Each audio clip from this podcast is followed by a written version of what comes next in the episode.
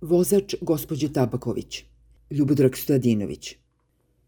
Pošte Srbije su dobile novog direktora, tačnije Zoran Đorđević je dobio Pošte Srbije. On je provereni partijski kadar Srpske napredne stranke, čovek koji može da bude šta god poželi i na vladi je prekjuče postavljen za čuvara plena. Šta će Đorđević da radi u pošti još nije rekao niti zna, ali nešto će valjda morati. Mnogo toga ne valja i tinja ispod beznadežno zastarele državne firme. Pisma slabo putuju, elektronika je ubila poštanske kočije, nestale su razglednice i dopisnice.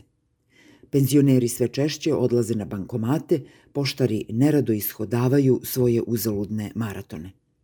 Pošta je nostalgija koja umire, ali na njenom vrhu je zlatno doba i ne vidi se od ozgo očaj poštanskih radnika na dnu. Direktor Đorđević ima zanimljivu biografiju, protivrečnu u mnogim njenim delovima. Ispada da je svašta završio više nego što se moglo. Neke finansijske akademije, visoke vojne škole, nešto krupno na Megatrendu, a i u Atini. Sprema se da bude doktor, odbranit će to što valja braniti. Član je Mense, tako stoji na nekim mestima u opisu života Zorana Đorđevića, što navodi na zavist prosečnog sapijensa. Čovek je genije. Zato Mensa kao enigmatski klub i postoji, da odvoji bisere od kukolja, pa je Đorđević već na startu ostavio daleko iza sebe trust ćurećih mozgova. Neki su novinari, nemajući druga posla, čeprekali pod predmensijanskom rodoslovu poštara Đorđevića, pa su otkrili da je pre naglog uspona među srpski politički šlag bio šofer gospođe Jorgovanke Tabaković, guvernante Narodne banke Srbije. Ne znam šta je čaršija očekivala, da vozač zauvek ostane vozač, čeka gospođu pred kućom i vraća je, vozi po želji, trkne na pijacu, pokar fiol i tikvice. Iz te uloge u kojoj ima vremena za razmišljanje, opamećivanje i učenje, pripadnik radničke klase nije ostavljen sam sebi. Ne zna se kako, ali vozeći gospođu Jorgovanku stigao je do ministarstva odbrane. Ušao unutra, ostao tamo i postao državni sekretar – kasnije i ministar vojni, mesto na kome se slobodno može okončati blistava karijera. Logičan put za vozača militaristu vodio je ka novom ministarstvu, rad, zapošljavanje, boračka i socijalna pitanja. I tamo je svakako ostavio neke tragove, ali je iz novog sastava vlade ispao. Istrpao je neko vreme bez funkcije i evo ga, u prilici je da pred nove izbore ponovi pretnju Krkobabića drugog. Penzioneri, ako ne glasate za Vučića, ne čekajte poštara. Đorđević je etalon najbolje naprednjačke selekcije.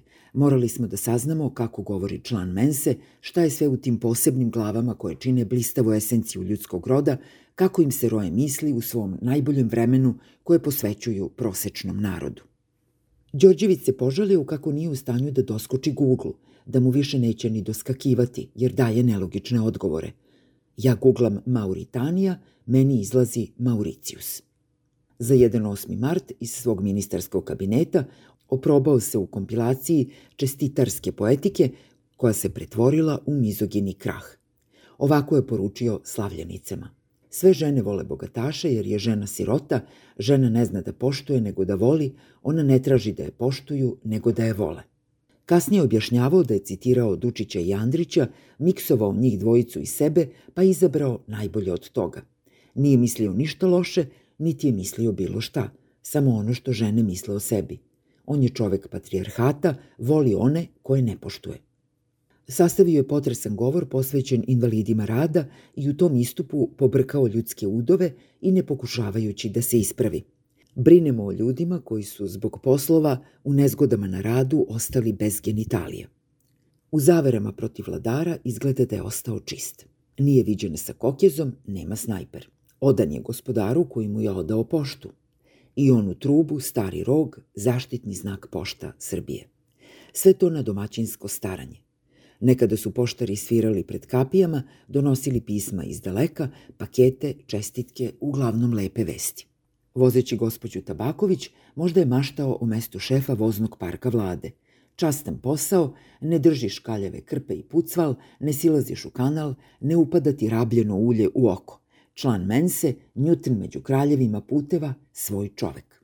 Dvostruki ministar je nadživeo sve svoje snove i još ih živi, ne pamteći gafove i ispade koji su jedino što je ostalo iz njegovih mandata.